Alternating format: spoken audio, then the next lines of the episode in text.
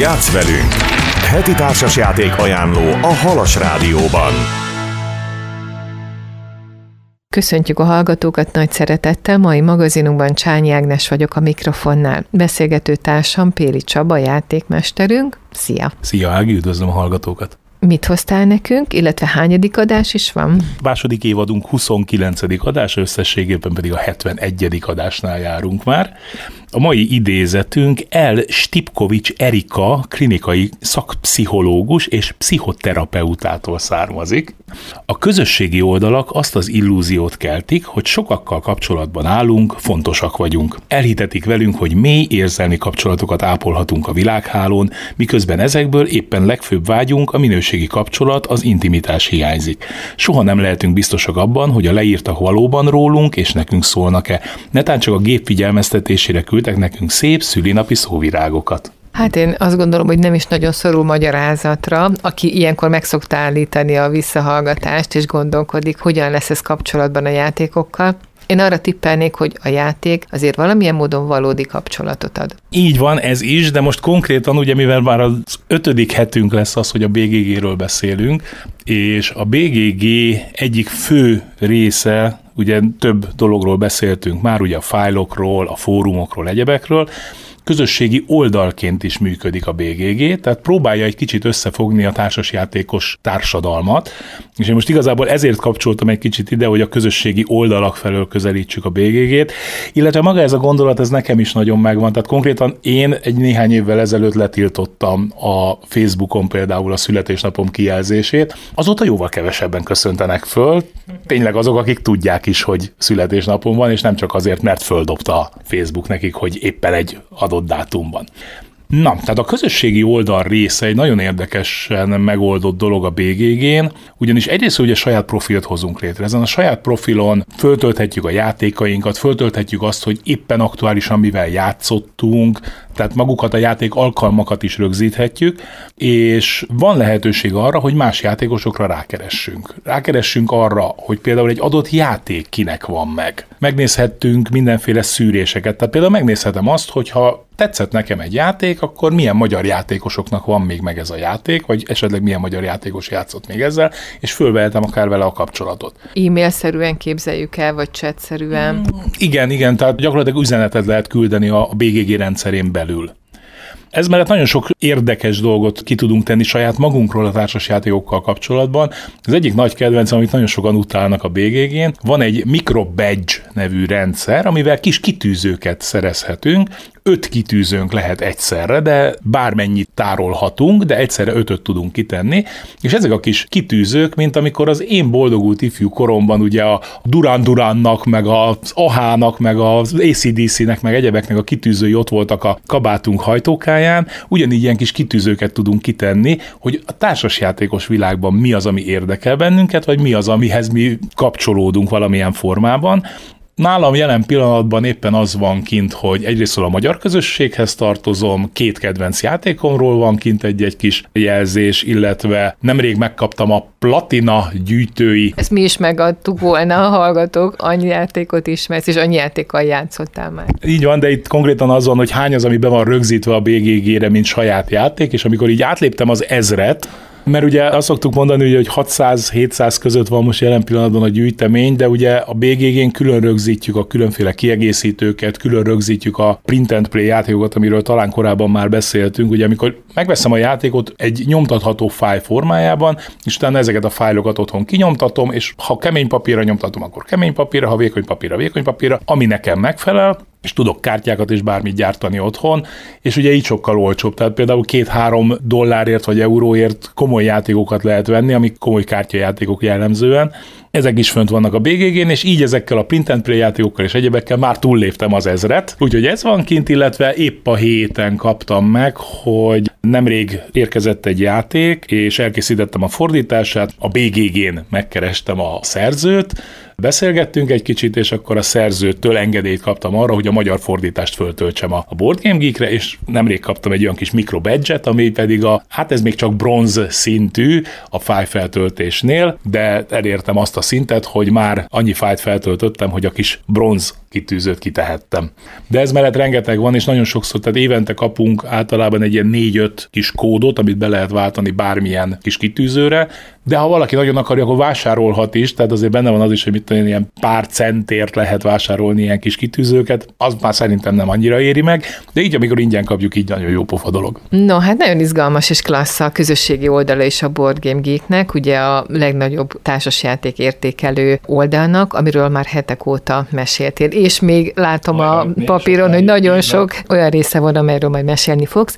Jönnek hamarosan konkrétan a társasjáték ajánlások Péli Csaba által. Maradjanak velünk, folytatjuk. Játsz velünk! Heti társasjáték ajánló a Halas Rádióban. Folytatjuk a mai ajánlót. Péli Csaba társasjáték mesterguru, aki most már tudjuk, hogy a Board Game Geeken platina kitűzőt kapott, hiszen az ezer számot átlépte az általa használt és kipróbált társasjátékok száma, amelyet csak a Board Game Geek nyilván tart, hiszen veled ugye több. Igen, tehát, tehát, gyakorlatilag ez a saját játékok, de hát ez mellett ugye azért volt még jó néhány, amit nincs meg, de kipróbáltam. Most viszont 71. adás lévén jöjjön a konkrét társasjáték ajánlók sora. Így van, ugye ebben az évadban valamikor az évad elején elkezdtük azt, hogy ABC sorrendben fussunk végig az eddig még nem említett játékokon, és a 25. négyes csomag következik most, tehát elértük a századik játékot idén ebben a formában. Első játékunk a Mr. Jack lesz, Ismerős lehet a cím a hallgatóknak, hiszen korábban már beszéltünk, hogy az egyik nagy kedvencem a Mr. Jack Pocket változata, ami egy kétfős kis egyszerű, tényleg egy icipici dobozban, tényleg zsebben elvihető játékként egy nagyon-nagyon jó kis agytorna tud lenni két játékos között, és ennek van egy nagy eredeti táblás változata is, ez a Mr. Jack, Ugyanaz a szerző páros, Bruno Catala és Ludovic Moblanc, akik ezt a játékot készítették. Ugye Bruno Catalát nagyon sok mindenről ismerjük, Hét csodapárbaj, Five Tribes, King Domino. Ludovic Montblanc viszont nem feltétlenül annyira ismert név, pedig nagyon-nagyon sok játékban volt közreműködő. Nem feltétlenül ő a főszerző, tehát nem ő az, aki a fő irányt megmutatja, viszont ő is nagyon szépen mindig oda kerül ismert játékokhoz, többek között a magyarul is megjelent Draftosaurusban, illetve a Cash and Guns-ban is közreműködött sőt, abban nem is közreműködött, a Cash Guns az saját játéka volt, abban valóban ő volt a szerző, de ez mellett Bruno Catalától kezdve nagyon sok szerzővel dolgozott együtt, és rengeteg-rengeteg játékban vett részt. A Mr. Jackben Ugye, ahogy az a címből már ismerős lehet, a hasmelmetsző Jackről beszélünk. Jacket próbálják elkapni az a játékos, aki a nyomozókat irányítja, Jack pedig próbál rejtőzve maradni, illetve ebben a játékban itt próbál elmenekülni, tehát itt nem csak annyi a lényeg, mint a paketben, hogy maradjunk rejtve egy bizonyos ideig, hanem itt az is a lényeg, hogy a tábláról el is tudjunk menekülni.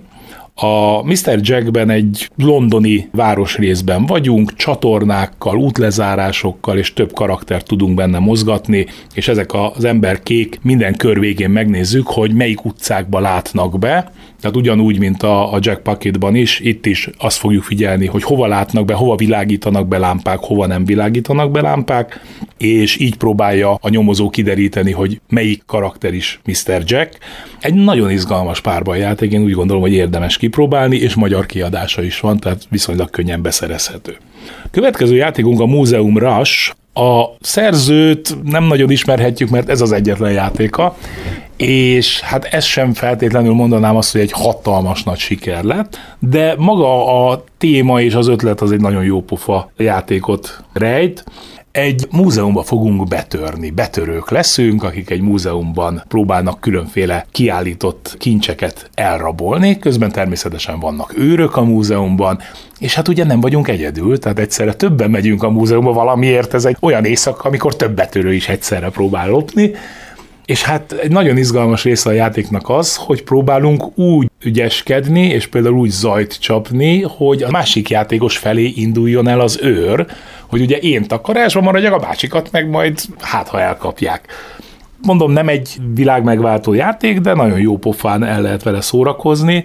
Viszont itt is azért, ugye pontosan ezért, mert ugye azzal, hogy az őröket a másik felé terelgetjük, hát nem feltétlenül mondanám egy... egy Közösségépítőn.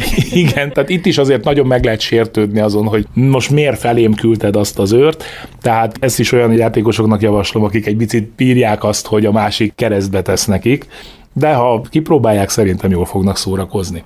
A mai harmadik játékunk a múzsa sugallatok. Erről korábban már talán említés szinten volt szó, de nem nagyon beséztük ki, hogy mi is ez a játék. A múzsa sugallatokban gyönyörű szép festményeink vannak, ugye ezt már sokszor sok helyen sokan elmondták, hogy amióta a Dixit megjelent, azóta körülbelül elvárás lett az, hogy szép is legyen egy játék, és a Dixit hozta be azt a köztudatba, hogy az volt az első ilyen játék, arra azért nem feltétlenül esküszöm meg, de ugye a Dixit hozta be a köztudatba azokat a típusú játékokat, amikor képek vannak, ami ugye első ránézésre ilyen kicsit ilyen kaotikus, mert két-háromféle téma is keveredik a képen, pontosan azért, hogy könnyebb legyen asszociálni, és ezek az asszociációs játékok nagyon elterjedtek lettek, és ezeknek a vonalán ismerhetjük meg a Múzsa Sugallatok című játékot is, amiben két csapat harcol egymás ellen, mind a két csapatban egy-egy választott múzsa lesz az adott körben, és utána majd adjuk körbe. Tehát ugyanúgy, ahogy mondjuk az Activity-nél is, vagy bármi egyébnél, ugye nem mindig ugyanaz fog mutogatni, vagy beszélni. A múzsa is az Activity-hez hasonló, azzal a csavarral, hogy itt nem csak beszélni, mutogatni vagy rajzolni kell, hanem mindig húzunk két kártyát, tehát az a csapat, aki a feladatot fogja adni, az húz két kártyát, és a két kártya közül eldönti, hogy melyik feladatot adja a múzsának.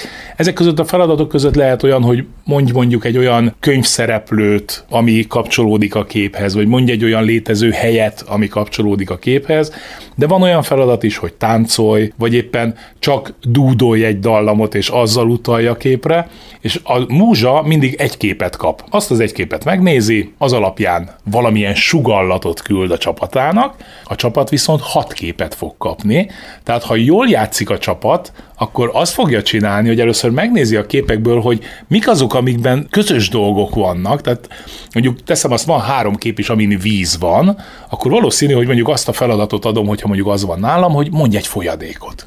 Mert hogy a kezébe veszi a játékos, valószínű azonnal arra fog asszociálni, hogy víz, bemondja a vizet a csapatnak, majd leteszünk három olyan kártyát a hat között, amin víz van, és hát innentől kezdve jön az izgalmas rész, hogy vajon kitalálják-e, hogy melyik vízre gondolt, és ilyenkor a múzsának egyetlen egy segítséget adhat, víz, víz, tehát csak azt hajtogathatja, amit sugallatként adott, és semmi más. Tehát még csak egy arc rezdülése sem lehet, hogy most azt kizárták, vagy nem zárták ki, és az jó, vagy nem jó. Ebből a szempontból nagyon nehéz játék, mert nagyon sokszor pont ez árulja el, hogy és akkor egy ilyen kis fejhez kapás, vagy egy grimasz, és azonnal kitalálják a többiek, hogy jó, akkor ezt mégiscsak visszateszünk, akkor ezt nem zárjuk ki. Nagyon-nagyon jó pofa játék, és nagyon mókás helyzetek szoktak születni belőle.